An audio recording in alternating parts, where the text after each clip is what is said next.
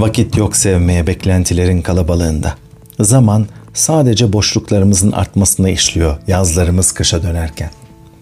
Aşkı ardımıza koyup eksiklerini önümüze katıyoruz hayatın.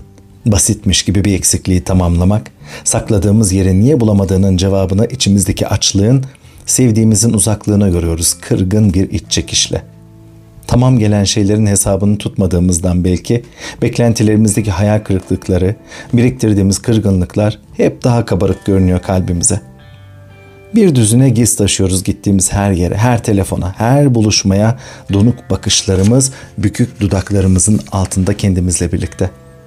Gizlerimiz tek bir söze bakıyor oysa çözülmek, silinmek için dağcıklarımızdan tek bir söz izlerini takip etsin diye önce elimizden geleni ardımıza koymadığımız sevgilinin sonrasında yenik düşüp öfkemize silip yok ettiğimiz bilinmesi bulunması imkansız hale gelen tek bir söz. Kemerlerini sıkıp kusurlarını kamufle ederken bizler ıskalamıyoruz hiç kapanmamış kusurlarımızı birbirimizin. Aşkı vakit kaybetmeden sindirip ilk solukta tükettiğimiz kaçmasın elimizden diye sıkıca bağlayıp rehin aldığımız bir anı gibi ardımıza koyup açıklarımızı ne kadarını doldurabileceğinin derdine düşüyoruz sevgilinin. Ve açıklarımız, yaşamlarımızın geride kalan mutsuz zamanlarından derlenip toplanmış, özenle saklanmış kalabalığına dönüşüyor. Beklediğimiz sözlerin, duyguların, beklediğimiz vaatlerin, heyecanların. Vakit kalmıyor böylece sevmeye. Tek bir dakikayı, tek bir bakışı, umulmayan güzelliğini olanın, sunulanın, ortasında beklentilerin, kocaman kalabalığının. Aşksa Değer serisinin 14. bölümünden merhaba. Kendi söküğünü dikemeyen terzisi gibiyiz belki de ilişkilerin. Sürekli karşımızdakinin üzerine uyacak bir kıyafet tasarlıyoruz kafamızda.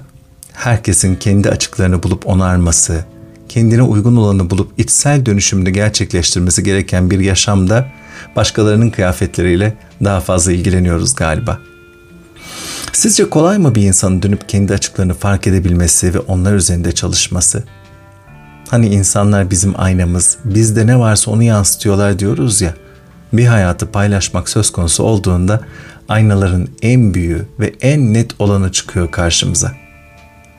Beni görsün, beni fark etsin, beni anlasın düşüncesi daha çok karşımızdakinin neyi ne kadar yapabildiğiyle, daha doğrusu ne yapamadığıyla ilgilenmemize ve asıl önemli olanı gözden kaçırmamıza neden oluyor belki de.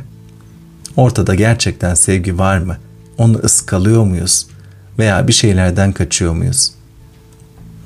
Bu noktada sakince, kızmadan, korkmadan ve çekinmeden şunu sorabiliriz bence kendimize.